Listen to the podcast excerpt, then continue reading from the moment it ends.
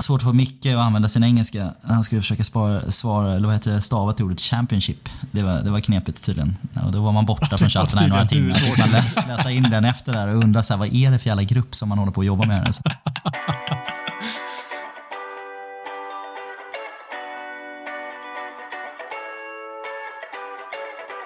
Can Manchester United score? They always score.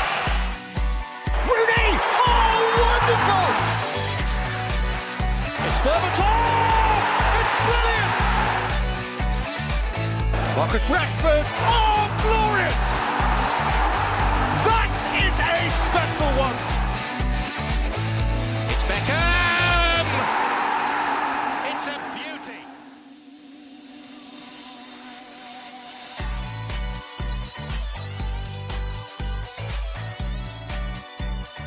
Känn er varmt välkomna till ett nytt avsnitt av United-podden. Podcasten som du inte visste att du längtade efter. United-podden görs i ett stolt samarbete med både den officiella skandinaviska supportklubben MUS och United-redaktionen på Svenska fans. Vi är tillbaka efter ett helgjutet maratonavsnitt, tillika jubileumsavsnittet nummer 100. Och både Mackan Eriksson och Gustav Kulle är här. Micke Martinsson har såklart blivit petad och det är ingen gladare för än Gustav Kulle. Ja, ska vi fortsätta så i 100 avsnitt till här? Jag har fått mycket, mycket sticks för att man har varit tuff mot honom i 100 avsnitt. Men jag tycker vi gör det faktiskt. Så det känns, eh, det känns skönt att vi kör topptrion här nu i det här första, första avsnittet på, på nya, nya decenniet här. Så det är härligt. Underbart. Hur är läget med eh, Mackan då? Du, det är eh, bra tycker jag. Inget, eh, inget att klaga på här inte. Eh, Va? Nej, faktiskt inte. Eh, överraskande positiv idag. Sjukt nog. Illavarslande på Det något här sätt. känns inte bra alltså. Ja, det är som en anti-jinx för hela veckan nu känner jag. Så här kan man inte börja veckan. Allt är upp och ner. Rakt utför. Ja, för transparensens skull så kan vi säga att vi spelar in det här avsnittet måndag rätt sent på kvällen. Eh, jag var inne på 100 avsnitt där jag tycker vi ska tillbaka till lite, för jag åtminstone har blivit totalt överrumplad av alla otroligt glada tillbud som vi fått till, för det avsnittet. Jag vet inte hur ni har reagerat på det, men eh, jag känner mig nästan översköljd och är enormt jäkla tacksam för att eh, folk har visat så mycket uppskattning för det och att vi har kört på dessa 100 avsnitt. Det, det, det känns fan helt otroligt. Ja, verkligen. Vilken jävla energi man får med sig in i sina nästkommande 100 avsnitt när man får sån här respons. Det har varit, eh, det har varit jättekul. Eh, Jag och Micke har också blivit lite nerringda här av eh, diverse skivbolag för erbjudanden för att få släppa vår första EP här. Men vi har valt att hålla ut lite. Vi väntar på att antingen Sun Records, det är väl Elvis gamla bolag, eller kanske Death Row där. Det är Dr Dre va? Det är väl Snoop som kör dem nu. Så jag tänker att kanske någon av dem borde väl höra av sig. Man får hålla ut lite i förhandlingarna tänker vi. Dr. Drä. Dr Dre. Dre. Det är något gammalt, det är något gammalt Sverigeklipp det där. Jag har sett på YouTube. Ja, vet, jag inte, vet jag inte vad det är Doktor eh? Mabuse och Doktor Snuggles. Det är en sån här eh, postkodmiljonären va? Det är en riktig king. Dr Queen, Dr Mabuse, Dr Dre, Dr Snuggles. Dr Dre. Dr Dre. Ja, just det. Ja. Är du säker? Ja, hundra. Dr Dre i den kontroversiella rapgruppen NWA. Ja, men det hundra på. Dr Dre. Östgöte som uttalade det. Nu om någon gång skulle vi faktiskt haft Micke som kunde eh, låta precis sådär. Jag är inte så jättebra på östgötska. Jag vet inte hur ni är där. Bottnar vi inte? Att du ändå ger oss vår, det ger oss vår andra imitation här kör du. Det är 101 avsnittet. Du kör en per 100 avsnitt så går du ändå in och försöker köra en imitation. Otroligt kul. Väldigt, väldigt kul. Men eh, det är så alltså, ni har blivit nerringda efter den otroliga insatsen där som både jag och Mackan faktiskt inte hade en aning om skulle dyka upp där. Nej, vi kände att den hade aldrig kommit igenom vårt, vårt manusskrivande om vi hade sagt den innan. Så vi släppte den på, liksom, eh, på uppstuds där på slutet. Men så det är ja, bara, bara positiv respons. Det är, Micke gör ett jävla, jävla dragjobb där faktiskt. Så det var, ja, det var kul. Mackan, om du får sätta dig i någon form av idoljury där och bedöma den här sånginsatsen, vad, vad säger du då? Ja, alltså det, jag är inte Kirsti Tomita-nivå liksom. Eh, det, det, det är orimligt är det inte. Orimligt är det inte. Och det är inte halleluja heller. Eh, men det är väl någonstans däremellan. Eh, alltså du säger att Micke får, eh, får agera draghjälp. Jag, jag känner ju att det är, det är lite det motsatta. Alltså. Eh, det, det, det, Känslan är att Micke har svårt med takt. Jag, jag vet inte, det är, bara, det är bara något som har slagit mig här efter hans två sånginsatser. Men eh, jag älskar ändå att han gör det. Glöm inte att det är klipparnas fel båda gångerna. Det är inte han som sjunger fel. Nej, just det. Just det. Där man fått trolla med knäna. Han har svårt med takt både i och ur musik. I livet generellt känner jag. Men det ja, men vi älskar Micke ändå, det gör vi. Men Gustav, du lät nästan lite pilsk när du sjöng det. Jag tyckte det var, det var, det var otroligt. Jag har verkligen bekräftat eller dementerat uppgiften att jag kanske potentiellt var lite pilsk när jag sjöng. Det är inte, det är inte helt omöjligt faktiskt. För att få den där lilla extra stunsen, den där lite hundrade avsnittet stunsen som man behöver när man, eh, när man spelar in avsnitt. Ja, vi, vi ska gå vidare och dra igång avsnittet på riktigt, men eh, återigen ett sista jättetack för responsen. Det är hur roligt som helst.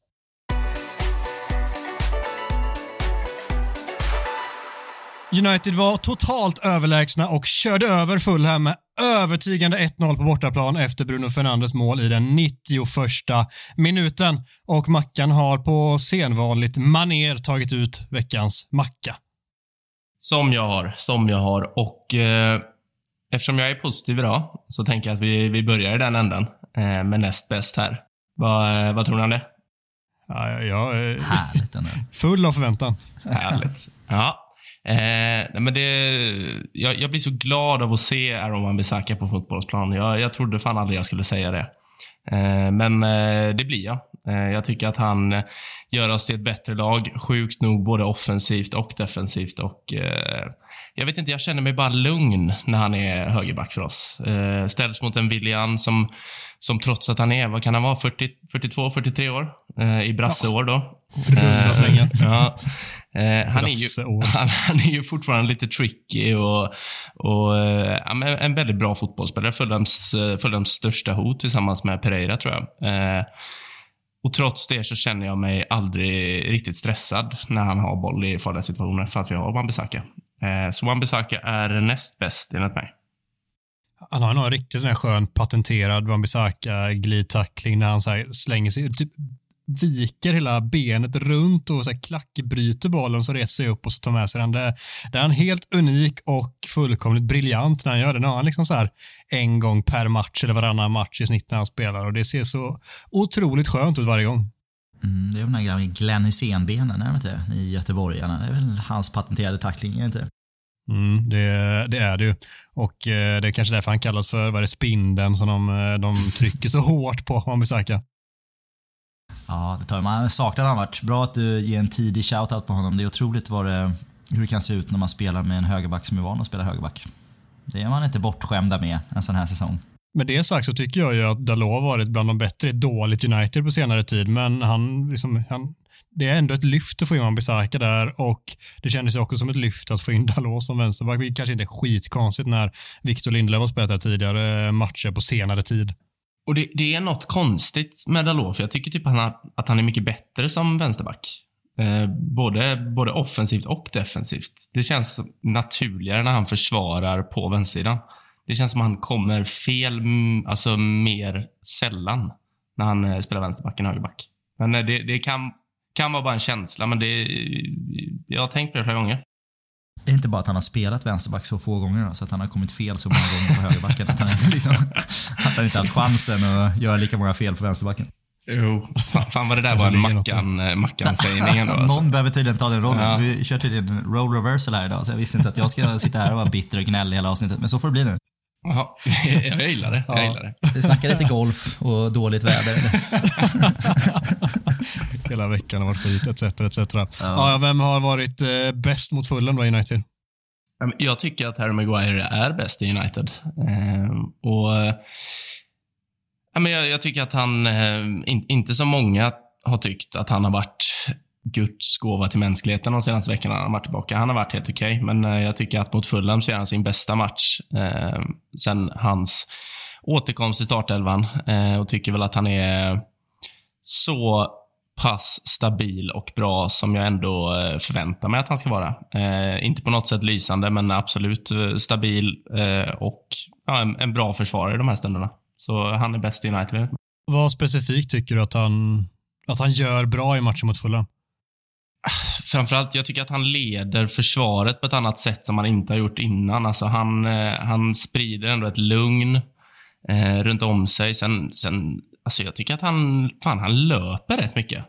Sjukt, eh, sjukt nog. Alltså, det, det finns någon situation som jag, som jag uppfattade först nu i efterhand på Twitter när jag såg något klipp eh, spridas när han har tagit någon högerytterposition, märkligt nog. Eh, och Christian Eriksen tapp, tappar boll i uppspelsfas och Maguire är typ först hem för att täcka inlägget som eh, William ska slå in. Eh, och där såg han ju inte så långsam ut heller. Men vad fan gör han där uppe? Jag såg samma klipp cirkulera idag. Jag fick kolla på klipp fem gånger innan jag konstaterade så här, vad fan är Maguire någonstans? Liksom, han kommer från en sån här Anthony-position, högerytter. Liksom. Vad, är det, vad kommer han där liksom? Jag tror att om inte jag missminner mig så är det så att han själv har varit som med och spelat upp bollen fram hela vägen ut på högerkanten där. Och så går den över till Eriksson som slår en helt usel passning som gör att United har boll i helt fel läge. Och eh, Maguire har inte hunnit hem tillbaka efter liksom har drivit upp bollen på det sättet som han ibland kan göra jävligt bra när han tar med bollen framåt och inte hunnit tillbaka. Och så är det Eriksson som bara slarvar rejält där och åker på en riktigt jobbig defensiv kontring som eh, som eh, Maguire är med och städar upp sen i slutändan med jävligt tunga steg, men han är fan med på plats när han ska vara där. Ja, men, men för att svara på din fråga lite kortfattat. Jag tycker utöver det, det lugnet han sprider så tar han bra mycket färre touch på bollen varje gång han har den. Det är lite högre tempo i allt. Eh, ser lite mer säker ut i passningsspelet och sen har han ju en pondus i de här luftduellerna och i dueller generellt som, som framförallt Victor Lindelöf inte har haft den här säsongen. Eh, så det, det är väl det jag tycker han bidrar med främst. Mm. Han, har- han har ju blivit bättre och vi ska inte, liksom, utan att säga att han har fått någon form av megarenässans, men Gustav, tror du att det har eh, spelat in att han sluppit liksom, pressen av kaptensbinden och hela den biten och kommit in lite från sidan nu där han inte har alls samma förväntningar på sig och kan jobba sig in i laget snarare än den pressen och den eh, liksom, häxjakten som har funnits på honom konstant tidigare, att han har sluppit undan det lite och att det har också bidragit till hans prestationer. Ja, men kan väl ligga, ligga en del i det tror jag. Det är ofta, det är inte ofta man säger det om den engelska pressen, men det känns lite som att blodiglarna har tappat stinget lite. Att de känner att man nästan börjat tycka synd om honom. Det har liksom slagit om här efter att man har varit, han har varit ett skämt här under en längre period. Så är det nu, slår det över lite och jag tycker ändå, eloge till dig Mackan som ändå lägger upp det på rätt sätt. Han är nog kanske bäst i, i laget, men han är ju inte jättebra. Det är han inte. Utan han är ju, han är ju bra liksom. Han är, han är habil och det är också jag skulle kanske mer säga att det är lite mer relativitetsteorin här. Att han är betydligt bättre i en jävligt skakig backlinje just nu. Som behöver lite stabilitet och det har han ju i sig. Så dålig har han ju aldrig varit. Liksom. Men eh, hade vi haft en fungerande backlinje med Wan-Bissaka till höger, Shaw till vänster och så en skadefri Varann och Licha i mitten så jag tror att han kanske hade sett lite svag ut i den, i den backlinjen. Eh, Men just nu så ser han väldigt bra ut i den här fyrbackslinjen. Och det, det tar vi, tackar vi för. Så, så för att svara på din fråga så tror jag det, kan, det är nog bägge delar.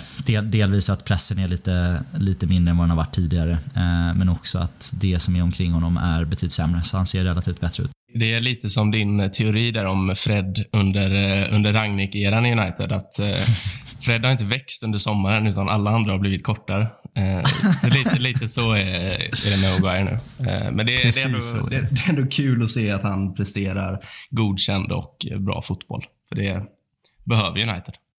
Ja, han presterar ju på en nivå som man egentligen ska kräva som minimumnivå, men problemet är att typ ingen annan lever upp till mi- minimumnivån och då ser han plötsligt väldigt bra ut. Vi ska prata om den spelaren som du väljer att eh, PQ-en ska höja sig. Vem har du landat i här? Ja, vem har jag landat i här? Det är väl... Eh, alltså ingen kan vara förvånad eh, över det här längre. Eh, att Anthony startar fotbollsmatcher för Manchester United. Jag kan inte förstå det. Och jag tycker inte att han... Jag tycker inte att han gör... Alltså, om man, om man kollar på hans 20 senaste matcher i United så är väl inte detta hans sämsta, utan det är bara så här alla hans insatser ser ut. Eh, det är det är energifattigt, det är dellöst, det är eh, sura miner och det är noll kreativitet. Eh, och jag är inte förvånad och ingen borde vara förvånad. Eh, men han är överlägset sämst bland många dåliga i United. Eh, så enkelt är det bara. Jättesvårt att, att säga något annat och, eh, och Gustav, du sitter bara och nickar med också så du får in och avbryta med nu om du eh, skulle vilja säga emot. Men jag tycker det är typ onödigt att prata om så mycket mer om Antoni för jag pratat så mycket om honom tidigare och alla vet precis vad, vad, vad som gäller. Han är, han är alltså jätte, jättedålig och alla kliar sig i huvudet och fattar inte varför han spelar. Så i övrigt, jag skulle nästan vilja ställa frågan, vem tyckte du ska höja sig förut, mest förutom Antoni? Det tycker jag blir mer intressant här för att Antoni är ett sånt jävla öppet mål. Eh, jag, tycker att, eh, jag tycker att det finns en del andra också. Jag tycker Bruno gör en otroligt svag match, men han är ändå den som kliver fram med ett riktigt kaptensmål och eh, pressar och eh, springer och jobbar hårt och ja, men är en kapten på många sätt. Sen eh, brister i kvaliteten ibland, men eh, han klarar sig. Eh, jag tycker att Eriksen eh, ser fortsatt jäkligt trött ut. Alltså. Och, eh, och Det kanske är förståeligt, men det går, det går alldeles för långsamt. Det är för mycket onödiga bolltapp. Han är för vek i duellspelet och bidrar alldeles för lite i speluppbyggnad och i offensiva tredjedelen. Så eh, nej, då, då blir det Eriksen. Jag är helt enig. Jag, jag tycker att Eriksen är riktigt, riktigt svag den här matchen och förstår fortfarande inte hur, hur han kan premieras före Mason Mount som kommer med ytterligare ett pikt inhopp och en rätt bra prestation, men fortsatt inte ha så mycket förtroende av, från Ten Hag. Vad, vad tycker du där Gustav vad, och vad tror du är det som händer med Mount egentligen? Ja, det var mycket, mycket att greppa i där. Jag tänker om jag börjar med, med Mount så tänker jag att det bara är en tidsfråga innan han, han jobbar sig in på det här mittfältet. Antingen från, från en liten oortodox höger, högersida som det kanske inte var tänkt att han skulle, skulle spela på. Eller i en av de, de tre mittfältsrollerna. Så det, det tror jag bara är en tidsfråga och säkerligen så handlar det här mer bara om hans eh, liksom återanpassning efter, efter skada. Så jag tror att det, det, det kommer förr eller senare. Eh, hel sam, sam klang när det gäller eh, Eriksen. Eh, tycker det, jag kände det hela förra säsongen också. Jag tycker det känns som en lyxspelare som man kan spela mot lågt stående försvar där vi ska ha 75% bollinnehav, vilket vi typ aldrig har nu för tiden. Vilket gör att han är liksom passar inte i några matcher som blir, blir fysiska alls. Och det var ett par situationer där jag var nära och tänkte att jag skulle skicka över ett klipp liksom, där han är så jävla passiv som en central mittfältare i bollåtervinnandet. Som jag känner att det har man inte råd med när man även har liksom Bruno som inte, det är inte hans naturliga roll heller. Även om han kämpar kanske lite mer eh, så är inte det riktigt hans styrkor heller. Då blir det väldigt, väldigt tomt där på mittfältet. Då får ju en Scott McTominay som får ta mycket skit då för att mittfältet inte ser ut som det ska får liksom göra jobbet för typ tre stycken centrala mittfältare. Vilket är ett jätteproblem. Så jag, jag tycker Eriksen är där uppe och snuddar. Antoni behöver vi inte toucha så mycket på. Om vi ska kanske vända till något positivt istället kan vi konstatera att det är ett jävligt pikt inhopp av Pelistri. Eh, det är väl ingen 5 plus insats men det är ändå det visar ju lite hur det ska se ut när man har en eh, yttermittfältare med lite självförtroende och lite stuns och som tar lite, lite intressanta beslut och överraskar lite. Och då är liksom, jag tycker det är även om det är Bruno som gör liksom, slutmålet så det är mycket Pelistris jävla kämparinsats att ta sig, ta sig hela vägen. Det känns som att han gör 90% av det målet själv liksom, innan Bruno väl avslutar. Ja, så, så, är det verkligen. Det, så här, och där är det också det här som du säger, när man sätter det i kontext med vad man har sett innan så ser Pelistri plötsligt ut som världens bästa fotbollsspelare när han kommer in där. Men så här, det är som du säger, han tar lite enkla beslut och framförallt tycker jag han vågar. Han vågar gå framåt. Han vågar försöka ta sig förbi sin försvarare, vilket Anton inte gjort på ett halvår nu typ. Och vilket, ja vi har pratat om det tidigare, det är oförståeligt hur han inte vågar det. Men Pelistri vågar och han lyckas inte varje gång, men när han inte lyckas så gnetar han sig på något sätt fast där uppe och det är typ så målet kommer till också. Så han ska absolut ha mycket beröm för både sitt inhopp och för sitt eh, förarbete till eh, segermålet. Ja, Gustav var inne på det snabbt där, men jag tycker ändå vi får lyfta McTominay också. Jag, jag, är inte hans största fan alls, men eh, den här matchen så tycker jag att han gör väldigt många saker eh, bra och rätt. Alltså det, nu, när han återgår till det här enkla spelet, han, han, ska inte, han ska inte göra de här svåra sakerna, utan han ska springa, han ska vinna boll, han ska fördela boll snabbt och han ska ta sig in i boxen och vara ett hot. Jag tycker att han gör alla de grejerna eh, ganska bra i stora delar av matchen. Sen har han sina brister, men eh, ser man till hans förmågor så tycker jag absolut att han eh, är klart, eh, klart en av våra bättre spelare. Hade vi något eh, VAR-beslut i den här matchen att eh, lacka på och skriva ut något statement om efteråt eller? Ja. Dåligt med statement. Man är trött på statements känner man eller? Det har gått eh, inflation i statements, man tar dem inte på allvar längre. Liksom. Men trött inte, är jag fan. Eh, det var ett understatement.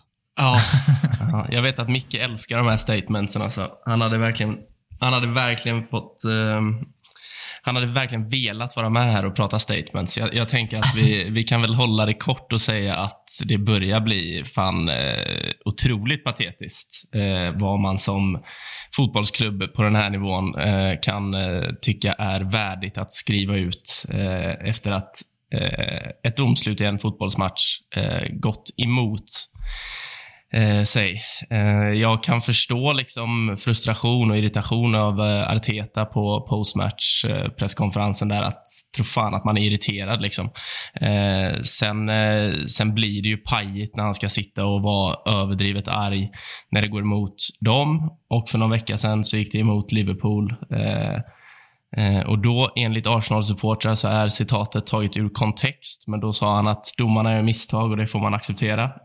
Eh, så det är hela, jag tycker hela situationen är pajig och att Arsenal som organisation ska ställa sig bakom Arteta och skriva ut något jävla statement. Är, jag, är, jag är glad över att vi i Manchester United inte har skrivit ut något jävla statement den här säsongen trots att vi har fått en eh, hel del kontroversiella VAR-beslut emot oss. Så, eh, nej, det blir pajigt och genant bara, tycker jag. Och att Arsenal-supportrarna står upp för det här. Ja, fan, väx upp, ärligt talat. Ja. Nej, jag tycker den, den stora förloraren för det här är ju, det är ju fotbollen. Liksom, om man ska vara lite seriös. Jag tycker att det är, alltså, den domarsituationen eller liksom beslutssituation som vi har i matcher är ju förödande för, för liksom underhållningsvärdet. Som supporter har jag precis suttit och tittat. En halvtimme hann vi in på två andra Londonlag som spelar här när vi spelar in det här. Och det har ju varit liksom, om det var tre eller fyra avblåsta varmål redan, två utvisningssituationer på en halvtimme. Eh, och alla mål känns som såna här liksom, och avblåsningar mot Arsenal. Någon typ av sån här, ja, är millimetern på rätt sida eller är den inte på rätt, rätt sida? Liksom. Och jag tycker att det är så det är så tröttsamt. Jag försöker tänka tillbaka på hur det var. Var jag mer frustrerad förut när det då och då var någon offside som gick lite för fort för att linjedomaren inte skulle hänga med så att man stod en halv meter offside här och där. Liksom. Var jag mer frustrerad då än vad jag är nu? Jag tror inte det. Jag tror att det är liksom det här micromanagement som var inne i nu liksom sabbar till stor del eh, den moderna fotbollsupplevelsen för mig att titta på.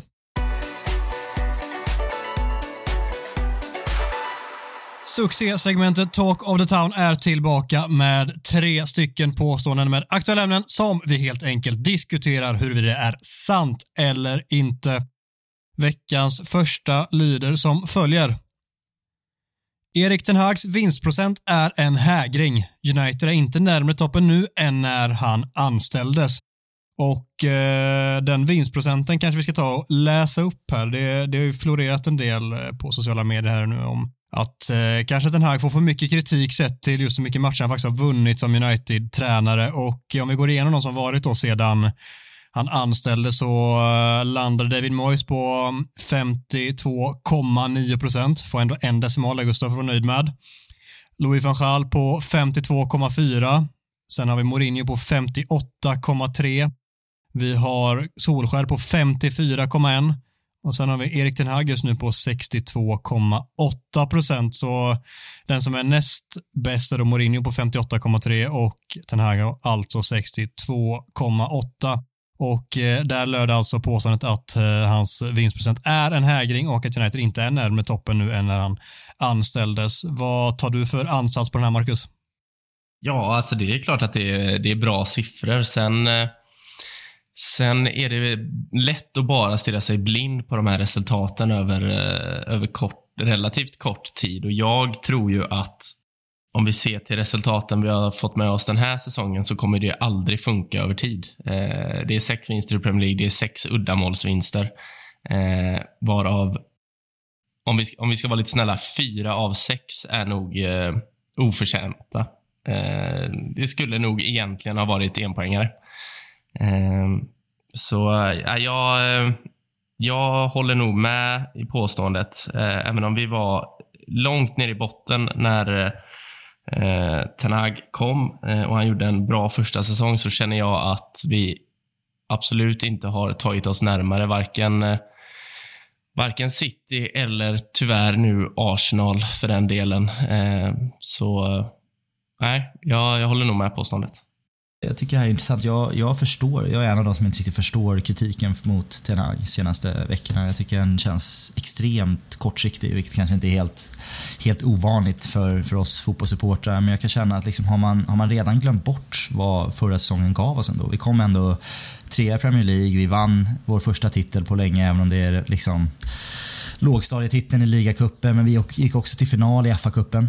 Uh, och det här var från liksom, katastrofsäsongen innan prestationsmässigt där vi också har då liksom fått bygga om en trupp där eh, Cristiano Ronaldo var fixstjärna, David de Gea var bästa betalda målvakten i världen, Maguire var lagkapten och McTominay och Fred var första val på mittfältet. Det är där han kommer in och bygger om det laget till att vinna en titel, gå till final i FA-cupen och komma trea i Premier League. Och det, nu är vi 10 matcher, 11 matcher in på en säsong där vi har haft ja, men 10, jag vet vi tjatar om de här skadorna och avstängningarna men det har ändå haft liksom tio spelare som ska antingen vara ordinarie eller verkligen konkurrera om ordinarie platser.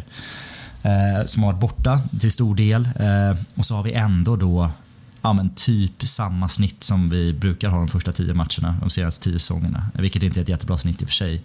Så jag, jag är väl en av de som inte riktigt förstår varför man är så stenhård här de här tio matcherna. Det är väl, får glädjas åt att vi har tagit lite scrappy uddamålssegrar när vi kanske inte alltid ska ha dem. Men vi, vi gör det i alla fall. Det här hade också lätt kunnat vara en 0-0 match mot Fulham eller en 1-0 förlust. Nu blir det ändå en 1-0 seger för att vi håller tätt i försvaret och vi, när det ändå liksom när det gäller så är vi ändå där. Vi har gjort merparten av våra mål de sista, sista 15-20 minuterna den här säsongen. Det visar på någon typ av karaktär ändå i, det här, i den här truppen. Så jag, jag är väl en av de som tycker att han får Alltså den kritiken han får nu i huvudtaget känns väldigt, väldigt felriktad. Jag tycker den är väldigt, väldigt konstig så här tidigt på säsongen.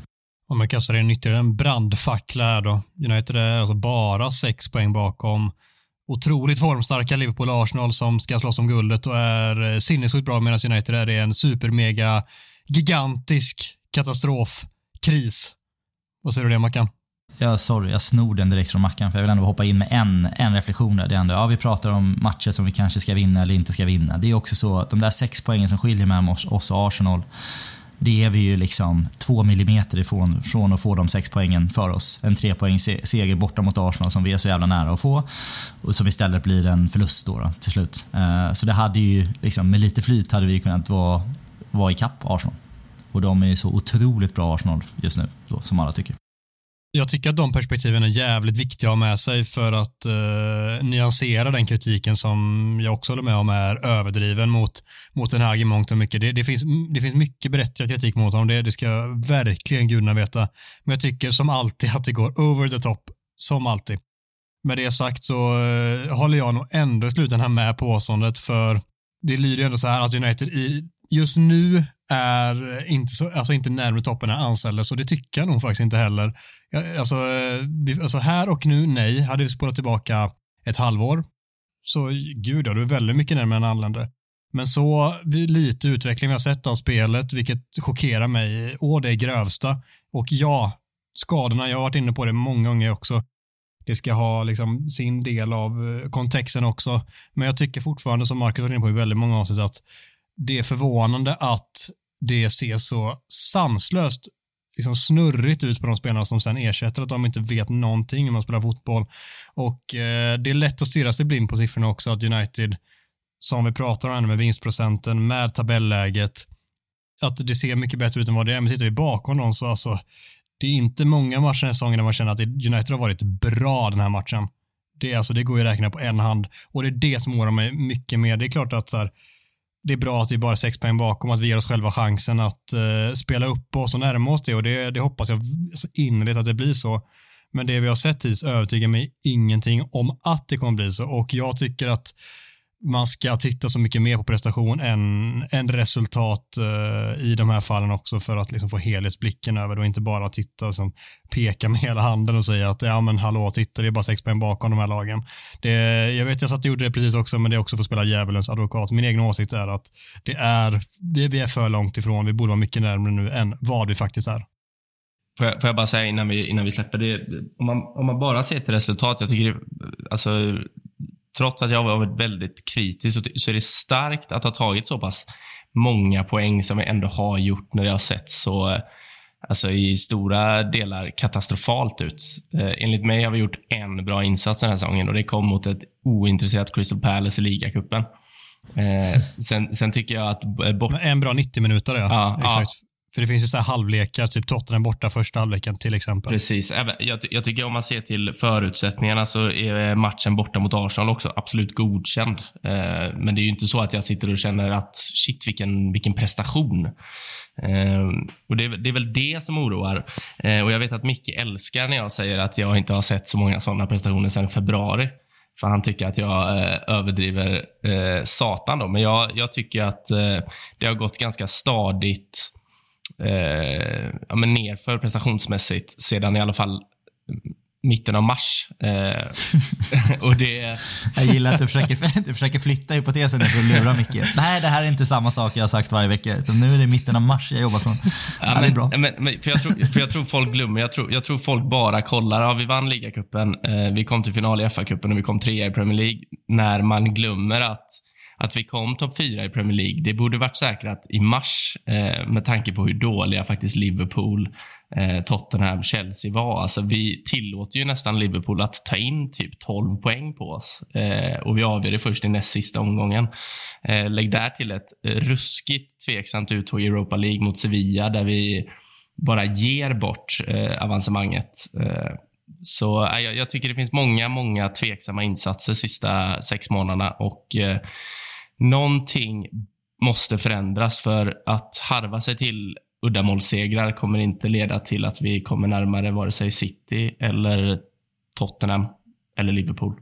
Nej, det, det har du rätt i. Men det jag menar bara, sorry, jag kommer bita, bita kvar i den här frågan lite för jag tycker ändå det är intressant. Det är ändå så här, hur, hur många andra lag där ute, förutom Manchester City, är det som är så jävla nöjda med vart deras lag är just nu? Jo, Arsenal är betydligt högre än vad de har varit i snitt de senaste tio säsongerna. Dock inte vunnit några titlar, dock inte gått till några finaler och inte liksom åstadkommit mer än något annat av topplagen i England. Eh, även om de spelar ju en bra fotboll och har haft ett bra transferfönster, det vet vi. Liksom. Just nu så senaste liksom, the newest black, det är, det är Tottenham liksom, som har otroligt här med supercharmig tränare och varit fantastiska de senaste sex veckorna och det är kul för deras fans. Hur nöjda är de med vart Tottenham har befunnit sig de senaste fem åren eller sju åren. Eller Liverpools liksom har gått på, gått på knäna här under senaste säsongerna och Chelsea liksom vet vi hur illa det är. Liksom, hur, hur mycket sämre är det? Vi vet hur bra City är och det kliar ju i ögonen jättemycket att vi är så långt ifrån City. Men det jag försöker säga är att jag, jag tror inte att vi är vi är liksom inte så mycket markant längre ifrån något av de andra lagen. Jo, just nu är de andra i lite bättre form, har lite fler, liksom är lite bättre samspelta. Arsenals Arteta har liksom jobbat fram sin spelmodell under en längre period och jobbet Eddie Howe gör i Newcastle funkar väldigt bra just nu. Men det är ändå så här om man tittar, om man drar ut det lite under en längre period.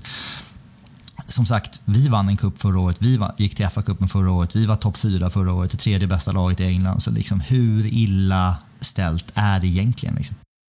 Nej, och det är väl det som bidrar till missnöjet. Eh, fram, eh, I alla fall hos mig. Alltså, för jag, jag tänker att eh, alltså när vi kliver in i det här sommarfönstret så har vi ju alltså ett sånt jävla guldläge att bara bygga på det här eh, och identifiera de problemen vi hade förra året och ja, men antingen eh, värva en spelare rakt av som kan kliva in och täcka det eller täcka upp det med att göra eh, flera värvningar som på något sätt hade kompletterat det tillsammans. Och Jag tycker att vi kliver in i den här säsongen utan att ha åtgärdat det.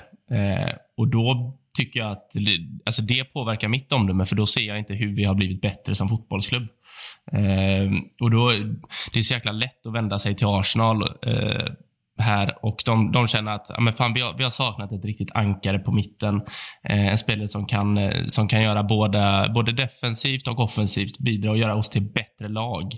Eh, och pungar upp för Declan Rice. Och herrejävlar vad, vilken värvning han har varit. Han har klivit rätt in och motsvarat alla förväntningar för att han är värvad till en så specifik roll att Arteta, han visste ju att han skulle gå in där och göra det han är bra på. Medan vi har eh, värvat en Mason Mount för 700 miljoner som sitter på bänken för att Tenag inte vet vad han ska spela.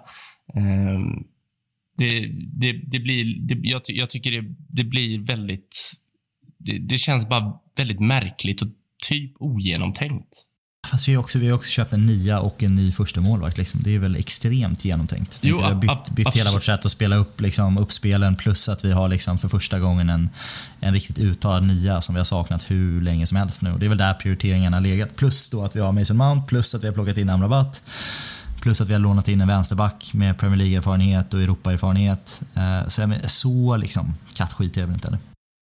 Alltså, jag, jag tycker att Onana och Höjlund är bra värvningar, men alltså, Manchester United har ju saknat en mittfältare som, eh, som kan styra tempot sen eh, Ferguson lämnar. Liksom. Eh, jag tycker att det är helt... Jag, jag, jag, jag, jag förstår inte hur man inte går på en sån spelare. Eh, som, som kliver rakt in i den rollen. Nu harvar vi runt. Ibland spelar McTominay där, där ibland spelar Eriksen där. Eh, ibland spelar Hannibal där.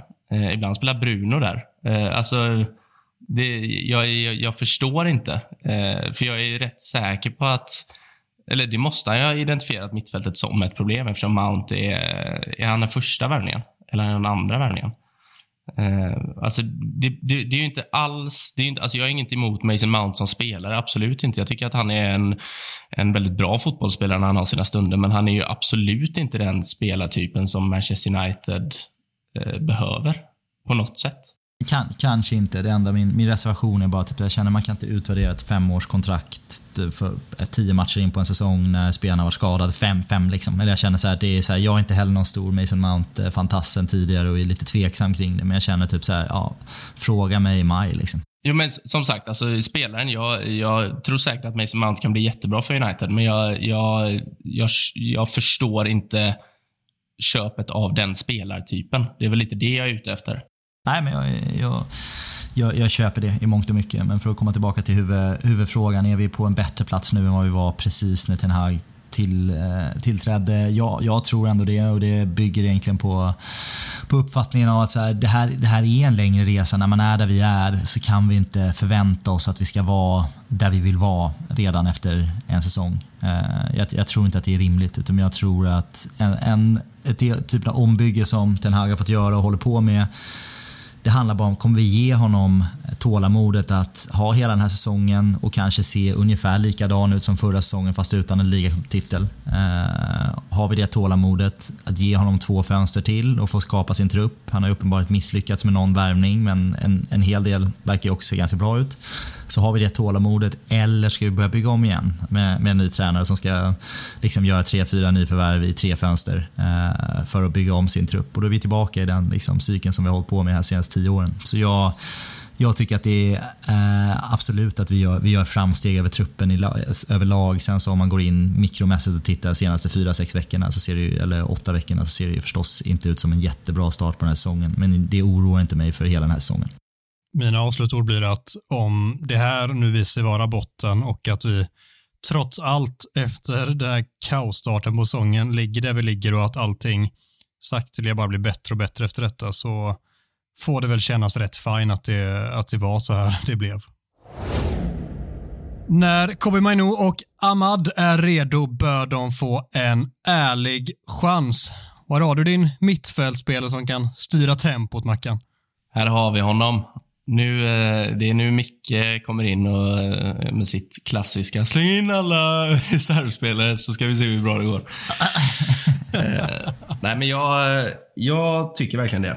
Eh, och eh, som sagt, jag, jag, tror inte på det här som många United-supportrar på, på Twitter och andra sociala medier, att måla upp Mainu som någon typ av räddare eh, när vårt mittfält inte funkar. Men jag, jag tycker absolut att han bör få chansen för eh, de mittfältarna som, eh, som har spelat den här säsongen eh, har ju inte funkat. Eh, Scott McTominay i någon slags hybridroll mellan tia anfallare och central mittfältare har väl varit bäst. Liksom.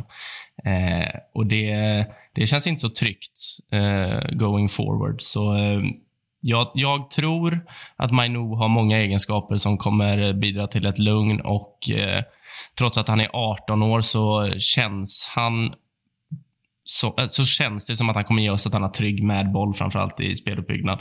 Eh, och sen, sen har han även fysiken eh, och tekniken eh, som krävs för att, för att lösa det. Eh, och gällande Ahmad, eh, alltså det kan ju inte vara asvårt eh, att peta tjommen vi har haft som högerytter nu. Sen, sen tycker jag också att han har spännande egenskaper. Eh, men eh, han ska man absolut inte stressa in i en elva. Eh, han har varit en eh, riktigt jobbig skada här nu. Eh, och eh, närmar sig väl en eh, återkomst. Eh, men eh, jag, jag tror på hans egenskaper. Jag tror att han, han kan ge oss något som inte Pelistri kan, eh, som är alternativet till Antoni nu. Eh, så jag, jag tycker att eh, båda två förtjänar en chans när de är redo. Absolut. Vi kan ju nästan dela upp de här fortsättningsvis i snacket här och prata eh, liksom klart Maino här. Och Maino eh, tycker jag, alltså dels, du lyfter ju väldigt mycket upp, eh, upp det också, men dels på grund av att konkurrensen har varit som den har varit, dels på grund av att vi saknar extremt mycket en bolltrycksspelare på det mittfältet, så är det för mig såklart att han ska få chansen. Med det sagt, nej, man ska inte lägga för stor press på honom och då känns det som att då måste man hitta rätt typ av match att, att ge honom chansen i. Och kanske att det är Luton på hemmaplan, vilket väntar härnäst, som han ska få den chansen också. Alltså så bra som han såg ut, jag vet försäsong, men så bra som han var på försäsongen mot också väldigt bra motstånd. Det, jag har så svårt att se att det bara är någon form av eh, liksom flax att han lyckas vara så bra i de matcherna, att han inte har den höjden i sig. Sen är det klart att han kommer göra misstag. Han kanske är en valp emellanåt och inte är 100% redo. Så man får ju som tränare där vara väldigt noga med hur man, hur man matchar honom. Men i rätt matcher tycker jag verkligen han ska få chansen att visa upp sig. För alternativen har inte eh, rosat marknaden och det är klart som 17 att en ung spelare på 18 år ska kunna ges möjligheten att, att visa att han är flygfärdig i den rollen. Mm, jag håller helt med. Jag tror att vi har ju liksom vår första chans på en riktig generational talent här på, på länge. Jag tycker att det är det man har sett. Jag har också följt honom en hel del i, i U23 eller i ungdomslagen och eh, tycker att han ser, han påminner om en en annan yvig mittfältare, bollskicklig, som hade fysiken också i Paul Pogba som, eh, som kanske slarvade bort andra halvan av sin, sin karriär. Men och, liksom, otroliga attribut, så ser ju jättespännande ut. Eh, med det sagt tycker jag nog personligen att det är andra spelare som bo, bör gå före i ett första läge. Jag tycker att man har framförallt Mount, Amrabat och Casemiro eh, som på något sätt, någonstans måste man hitta en trea eh, med dem tillsammans med Bruno Fernandes och eh, det finns även Scott McTominay att jobba in där på något sätt med lite kontinuitet gärna. Jag tycker att vi har ett vi har ett nytt mittfält varenda match. Och varenda match försöker jag klura ut, typ så här, vad gör vi den här gången då? Vem är det som kör lite box to box nu? Vem är det som ska ligga lite lågt? Jaha, vem är det? Där ligger liksom, nu går Bruno ut lite på högkanten. Det känns som att varenda match måste man hitta på att uppfinna hjulet. Jag skulle vilja se liksom fem matcher i rad. Att nu är det liksom Casemiro ska vara ett ankare, Amrabat ska vara någon typ av box-to-box eller någon liksom för upp bollen och så är det Bruno eller så är det Mount som ska ligga på en kant eller whatever. Liksom. Men jag skulle vilja se lite kontinuitet. Jag är otroligt trött på att se en trea som jag måste liksom, det tar mig 20 minuter att klura ut vad det är vi gör på mittfältet varje match. Liksom. Eh, så, och jag tycker det känns inte som någon jättetrygg miljö för Kobe Mino att kastas in i. Med det sagt så tycker jag absolut att han ska få chans. Men lite liksom old school Ferguson-chans. Att man, man jobbas in sådär 20-25 minuter hemma när vi, när vi leder med 2-0. Det händer aldrig. Liksom. Så, så det blir inga, kommer blir inga aldrig minuter. Det blir inte många minuter. Men och, och så får man liksom spela någon ligacup, men det kan vi inte heller göra nu för det har vi åkt ut. Och så, du vet, så ja, det får bli nästa säsong då. Men det är, nej, jag, jag, tycker inte att han ska, jag tycker kanske inte att vi ska kasta in honom liksom som fem, fem startmatcher i rad här eh, innan vi har gett Amrabat och Mount Casemiro chansen att spela om sina platser mer kontinuerligt än vad de fått göra hittills. Men jag hoppas att vi får se honom mer och jag tror att vi har en lång United-karriär framför oss med honom. Ser du på liknande sätt på, på Ahmad där, där jag kan tycka att offensiva spelare är lite enklare också att kasta in en eh, defensiva slash box till box mittfältare på ett helt annat sätt. Eh, så tänker jag kring Ahmad och tycker absolut att han ska få, få, få sina minuter när han är redo fysiskt såklart eh, med tanke på konkurrensen där också. Men hur ser du på honom? Ser du på samma sätt som Maino eller blir det lite annorlunda för dig med? Nej, men jag håller, håller, håller, precis med. Det känns som att eh, vi spelar ju med tio spelare idag redan som det Det kan ju schysst att få in en spelare till. Liksom. Så det känns som att det kan ju liksom, alltså rent krasst, det kan ju inte bli sämre än vad Antoni ger oss just nu. Eh, så är det ju faktiskt. Så jag tror att det, där kan man ju chansa lite mer på sådana här liksom yviga ytter, ytteranfallarplatser. Så där, eh, han kan väl få, få spela lite och få chansen lite som, som vem som helst. Vi ska inte glömma hur bra han var i Sandland i Championship eh, förra säsongen. Deras Eh, klart bästa spelare. En eh, riktigt, riktigt vass säsong och jävligt synd att han åkte på sin, eh, sin skada som han gjorde under försäsongen. här. Det har varit eh, väldigt intressant att se honom få några minuter här med tanke på hur det har sett ut på den kanten, men vi får hoppas att det kommer framöver där. Ja, men det är lite annan press, det kan jag ändå ha sagt. Att eh, det där att spela för Sunderland och spela i Championship, det är inte riktigt samma sak som att spela kontinuerligt på Trafford för United. Så eh, det är lite olika roller, men vi, vi håller tummarna. Stating the obvious. Det är dags för veckans Town Hall där vi såklart i vanlig ordning eh, blickar tillbaka mot förra veckans som löd så här. Kvalitetsmässigt är United trupp inte topp 6 i Premier League. Ni kära lyssnare röstade som alltid och inte topp 6 var 37,3 procent och helt klart topp 6 var 62,7 procent. Och Gustav, du bara får kommentera den procentsatsen. Vad säger du då? Eh, avsaknad av decimaler, men eh, utöver det så tycker jag att den är rimlig. tycker att det känns som att eh, där ska vi vara. Det, jag tycker att det var väl det jag argumenterade för eh, i podden förra veckan också. Så jag tycker absolut att vi har en topp 6-trupp med råge. Så det är många som håller med. Lite besviken att det inte var 100% mot 0% då, eller? Skulle vara det då kanske. Men det finns ingenting som är 100% i livet, det har jag lärt mig. Så, eh, men jag tycker en, en 80-20, en Pareto 80-20 hade jag velat ha, men det fick jag inte. Nej, kanske en annan gång. Mackan, vad har vi fått för schyssta kommentarer då på, det här, eh, på den här townhallen?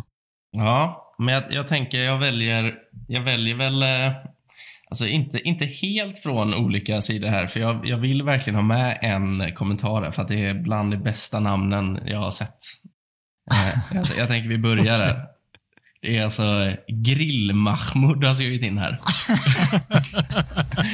Vilken Ja, det är. Starkt. Eh, Det är bra. och Grill-Mahmoud, han skriver följande. Truppen spelare för spelare är väl egentligen topp 6. Men om man går på dagsform då spelarna spelar som en säck mögliga potatisar så når vi inte topp 10. Och han kan Man vill sina... ha det en ligger väl något säck i det. mögliga potatisar i sin grill, det vill man inte. det ska vara bara Nej. färska potatisar. Ja, Mögliga potatisar vill man inte ha, särskilt inte i grillen. Nej. verkligen inte. Såg du det Mackan, att han heter också Mahmoud 421537060 också? Jajamän, det är, det. är El- Elon Musks okända svenska son här. Vi har fått in. Inte blanda ihop med 42761 som är en helt annan grill Mahmoud. Blanda inte ihop dem där ute nu i etern. Ja, vi älskar grill-Mahmoud, det gör vi. Eh, Det gör vi. Och sen, eh, oj nu fick jag en sån, hörde ni det? Kom det med i inspelningen här? Att jag fick målbrott här, 28 år gammal. Jag hoppas att du det. Fan, nu händer det äntligen va, som du har väntat. Henrik, eh, Henrik Ros skriver, eh, med det fantastiska aliaset ormtjusarkorg. Det tror jag har varit med innan. Mm. Jag tror att vi har, vi har bett om en förklaring för det, för Henrik en, eh, han är en stark kommen, kommentatör. Han, han gör oss mycket, men vi har inte fått veta vad bakgrunden är till hans namn. Så vi, vi skickar ut en shoutout en gång till till Henrik, att förklara vad det är som händer här. Ja, var kommer ormtjusarkorg ifrån? Mm. Jag tycker att truppen är topp 6. Det baserar jag på att jag tycker att truppen bedöms utifrån individuell förmåga. Som ni sa så gör spelarna bra ifrån sig i landslagen, vilket påvisar att kvaliteten finns i spelarna. Det stora problemet är att vi som lag inte är topp 6. Vi har i många år haft individuell kvalitet i världsklass men aldrig fått ihop ett lag som motsvarar den kvaliteten. kvaliteten. Jag hoppas fortfarande att Ten Hag får ihop det, men mina tvivel börjar att dugga tätare. Lite det jag ville säga förra avsnittet tror jag. Eh, med att jag snubblar lite bland mina ord. Men jag, truppen är förmodligen eh, topp 6. Eh, laget just nu, inte. Ja, lätt att luta sig mot Henrik Roos när man inte hittar sina egna ord i podden. Det- är du eller han som poddar. Det var ju det vi sa om Anna, det var ju det du jobbade emot hela, hela podden. Ja. Eh, men jag vill alltid luta mig mot eh, Henrik Roos. Ormtjusarkorgen. Ja, Ja. Nej, men det förstår jag. Ja, det, titta vad som händer när man blir pubertal. Då eh, blir man så mycket smartare plötsligt. Jajamän. Så är det. Veckans Townhall-lodden lyder så här.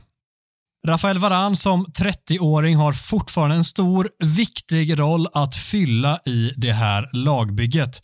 Här får väl du börja då, Gustav?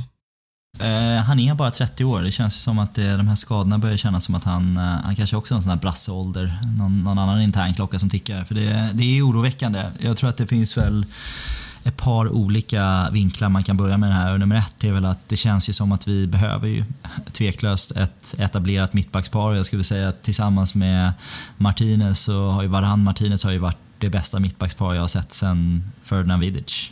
Även om de bara hade en väldigt kort, kort blindtid på grund av skador så kändes ju som eh, jag fick upp hoppet för första gången. Så här, äntligen kanske att vi kan ha en stabil backlinje nu. Och så hade man Shaw som var liksom i världsklass på vänsterbacken och så hade man två högerbackar som bitvis var jätte, jättebra med Wan-Bissaka och Dalot. Liksom, som man växlade mellan och alternerade lite. Så här, vilken typ av match ska vi ha nu? Så det var en otrolig jävla backlinje att jobba med.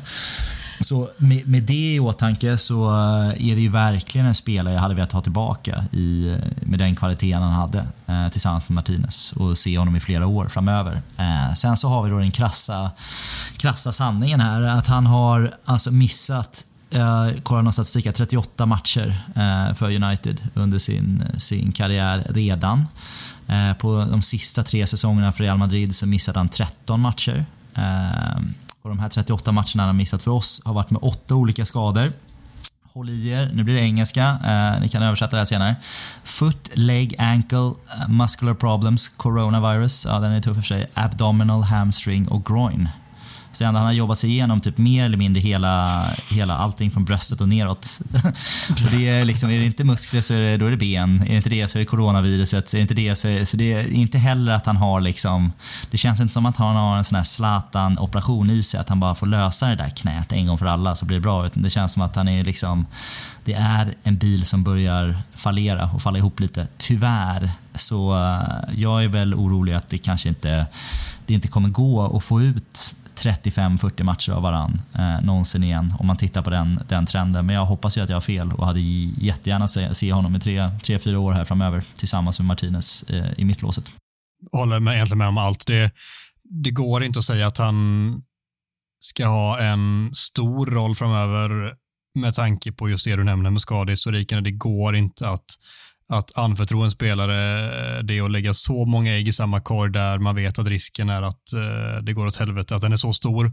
Då, så här, men samtidigt, så här, han kan ha en viktig roll att fylla för det, men en stor och viktig roll, det, det går inte att, att lägga på varann om man inte kan visa att kroppen håller under en längre period och det uh, finns ju absolut ingenting som talar för det, tyvärr, för det är en sån otroligt jävla bra mittback i grund och botten. Så det, det är väldigt, väldigt synd, men det det vore eh, oansvarigt att eh, tro att han ska, ska klara av det under en hel säsong, under två, tre säsonger, vilket väl ändå är det man ska försöka bygga efter. Ja, nej, jag, jag har inte jättemycket att tillägga. Jag håller väl med i båda. Eh, lägger in en liten, eh, en liten eh, tanke här. Eh, om ett stort bud från Saudi skulle komma i, till sommaren, eh, då, då säljer man väl ändå? Vad är ett stort bud då? Vilka pengar är värt det för, för att inte få hans 20-25 matcher om året? Då kommer han väl vara 31 då. Eh, 50 miljoner pund. Det finns inte en jävla dåre i världen som betalar 50 du, miljoner pund för honom. Du, har, du, har du sett vilka övergångar Saudi-klubbarna har genomfört senaste året? här? De har ju typ... Ja, men inte för, inte för United-spelare. Det är för alla andras lag. Det är ja. ingen som betalar så mycket pengar till United för någonting någonsin. Men jag, jag, kan typ se Al-Ali punga upp 50 mil för Grill Mahmoud. Liksom. Så det, det, det, det förvånar mig inte om, om ett bud på 50 Vad betalade vi för honom? Eh, är det någon som minns ens? För Grill-Mahmoud eller för varann? för varann. Inte betalade vi 50 miljoner, vi betalade 30 eller 35 eller kan det ha varit något sånt? Ja, ja runt 30 runda slängar. Ja. Eh, alltså, ja, och där, där, det är väl det jag menar, typ så här, vi kanske får tillbaka våra pengar. Jag tror, alltså, det finns ju inte en chans att, om vi betalar 30-35 för honom eh, och vi spekulerar i det, så det finns ju inte en chans att vi skulle få mer än vad vi betalar för honom. Om vi tittar på hans, liksom, den statistiken jag just presenterade, eh, så är det svårt att tro att han, han skulle attrahera ett, ett, större värde. Och då är frågan, vill vi sälja honom för en break-even? Alltså hade jag sålt honom för 35 miljoner pund? Det hade jag nog inte. För jag känner att det, kan vi få honom 20 matcher eh, per säsong de senaste tre åren så tycker jag att det är ett större värde än att få in 30 miljoner som vi ska kasta bort sen på någon jävla dålig spelare som inte funkar. ska köpa. Det kom lite Mackan-bitterhet in här ändå. Kasta bort dem på transfermarknaden igen. Alltså. Ja, nej, då, då har jag hellre kvar dem. Ja, ja nej, jag köper det. Jag köper det. Ja, jag, jag känner mest bara att jag i grund och botten vill jag inte göra affärer med Saudi om jag ska vara helt ärlig. Så det får gärna vara en annan klubb som kommer 50 miljoner budet om Mackan och det känns ju Ja, det, extremt det osannolikt. kommer inte hända. Snyggt ändå. Ah, kul. Ja, det håller jag med om i och för sig.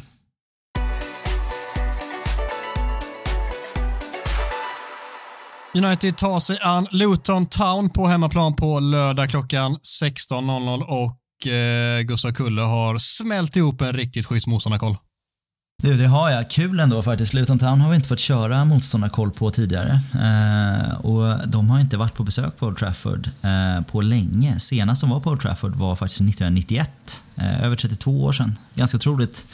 Då möttes vi i dåvarande Division 1 som det hette då, så innan Premier League. Eh, vi vann med 5-0 efter mål av Steve Bruce, Mark Hughes, Paul Ince och Brian McLare. Två mål. Eh, svårt att inte läsa upp Mark Hughes nu utan att tänka på Mickes ljuddikt. Så är det.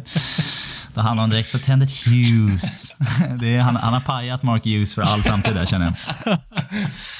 Men så är det. En 5-0-seger i alla fall. Ni som minns, minns. Efter det så har vi mötts två gånger, båda på Kenilworth Road. Eh, så bortaplan för oss. Eh, det var samma säsong där, 91-92 säsongen. Då blev det 1-1. Och sen så möttes vi i tredje rundan här av ligacupen 2020 med Solskär som tränare eh, på bortaplan och då var det en 3-0-seger där och då. Man kan ju tro lite att Luton är lite av en sån här charmklubb som aldrig har varit liksom, riktigt på den här nivån förut och nu tagit sig upp och spelat spela Premier League första gången. Men så är det faktiskt inte. De har ju spelat i högsta divisionen i 20 säsonger innan den här. Så de har ju varit lite upp och ner genom åren. Eh, senast var det då som sagt 91-92 då man åkte ur i sista omgången och därför missade starten av Premier League säsongen efter. Det är ordentlig så här sliding doors ögonblick på den alltså. Så de fick, en, fick en helt annan resa istället. Hamnade inte i nya Premier League utan fick vandra upp och ner i Football League eh, mellan Championship och League 2 men även helt ut ur Football League eh, fram till 2014. Så det är väl där man har gjort den otroliga resan. Då. Så de senaste tio åren så har man faktiskt tagit sig från eh, Conference Premier, så utanför Football League, till Premier League då, på tio år. Det är ju otroligt. Idag leds man av gamla Wolves-spelaren Rob Edwards eh, som tog över för ganska exakt ett år sedan, nästan på dagen tror jag, eh, när vi möts eh, och ledde dem upp till Premier League via playoff-spel. Ligger i dagsläget på en 17 plats efter sex inspelade poäng, tre oavgjorda och en seger borta mot Everton. Eh, inte direkt en namnkunnig trupp vi har här. Det är britten Carlton Morris som har gjort tre mål eh, som en spjutspets nummer nio.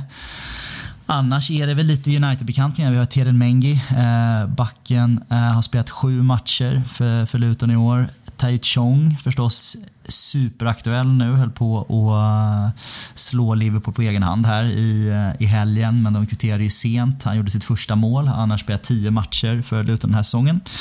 Eh, sen i truppen finns även några såna här åfan-namn. Vi har Tim Krul, eh, sitter på bänken. Eh, där är han tydligen. Eh, Ross Barkley har man plockat in från Nice.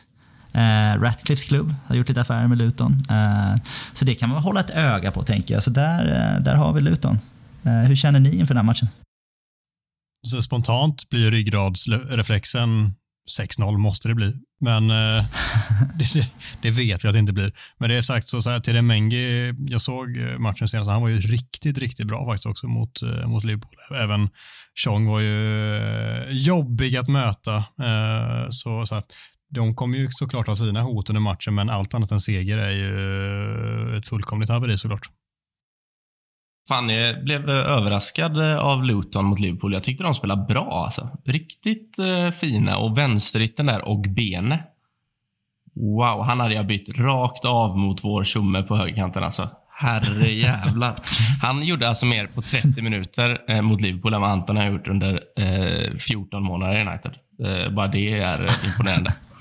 Eh, nej, men jag, jag tänker att vi kommer bryta vår eh, svit här med sex uddamålssegrar och eh, Förlora. förlora med, förlora med eh, Nej, och faktiskt eh, göra mer än ett mål och inte släppa in något, eh, vilket eh, hade varit trevligt. Vi har ju sagt det 800 avsnitt i rad nu, men blir det Höjlunds första mål i Premier League nu, Mackan, eller? Ja, det, må, eh, det måste vara det, men jag, jag börjar tycka synd om honom. Jag, jag såg någon, eh, såg någon eh, stat här som flög förbi att United, hans medspelare i United har alltså skapat eh, chanser för honom värda 0,00 XG de senaste 210 minuterna han har spelat. Eh, det är ju tragiskt alltså. Eh, så, men eh, ja, då får han väl skapa någonting själv som han gjorde mot Galatasaray eh, och peta in en boll. Ja, vi tycker synd om honom. Vi missade det helt i matchsnacket. Jag tror inte ens vi sa namnet Höjlund en enda gång. Och det är faktiskt, jag tyckte det var ett sorgligt byte när han gick ut efter 70 minuter där man kände att typ så här, vilken jävla värdelös match att få spela som nummer nio. En sån här match har liksom inte fått en enda boll att jobba på 70 minuter. Det så liksom inte finnas. Alltså. Ja, helt jävla otacksamt. Han gjorde inte, gjorde inte en dålig insats någonstans. Han liksom gjorde, gjorde sina löpningar, gjorde sina fysiska liksom dueller och var, var spelbar men får ingenting. Det är inte en enda chans på 70 minuter vilket är helt bisarrt. Alltså. Det känns som man gör i princip allt rätt under sina minuter han spelar just Ja, just nu, jag ska inte säga det, för City var ju, det finns vissa, vissa delar som inte stämde, men liksom generellt så gör han ju så otroligt mycket bra beslut och prestationer, men får så lite betalt för det. Och ibland säger man att då, får, då är det upp till spelarna själva att ta betalt för det och det kanske han i viss mån någon gång liksom kommer också lära sig göra när han är lite mer varm i kläderna, lite mer rutin. Då, då kanske han är, blir en spelare som plockar upp bollen på mittplan och ger bort två spelare och dunkar in den från ingenstans. Vem vet, men där är han inte nu och det är inte de krav vi ska ha på honom, utan det är självklart så att det är, mesta kritiken ska läggas på hans medspelare som du säger, man kan skapa absolut ingenting för honom. Och det, det var ju någon talarsituation när det väl känns som att nu jäklar, nu är det ju, finns ju inget annat än att spela in till honom, så missar liksom lagkamraten det solklara inspelet och han fläker sig framför mål så får han inte bollen ändå. Det, det, jag tycker väldigt synd om honom, så eh, det är väl ett drömläge för honom att, att få spräcka den där Premier League-nollan nu och kanske till och med få göra ytterligare ett mål mot Luton, vilket jag tippar att det blir. Jag tror det blir 2-0 och att eh, Höjlund gör båda målen.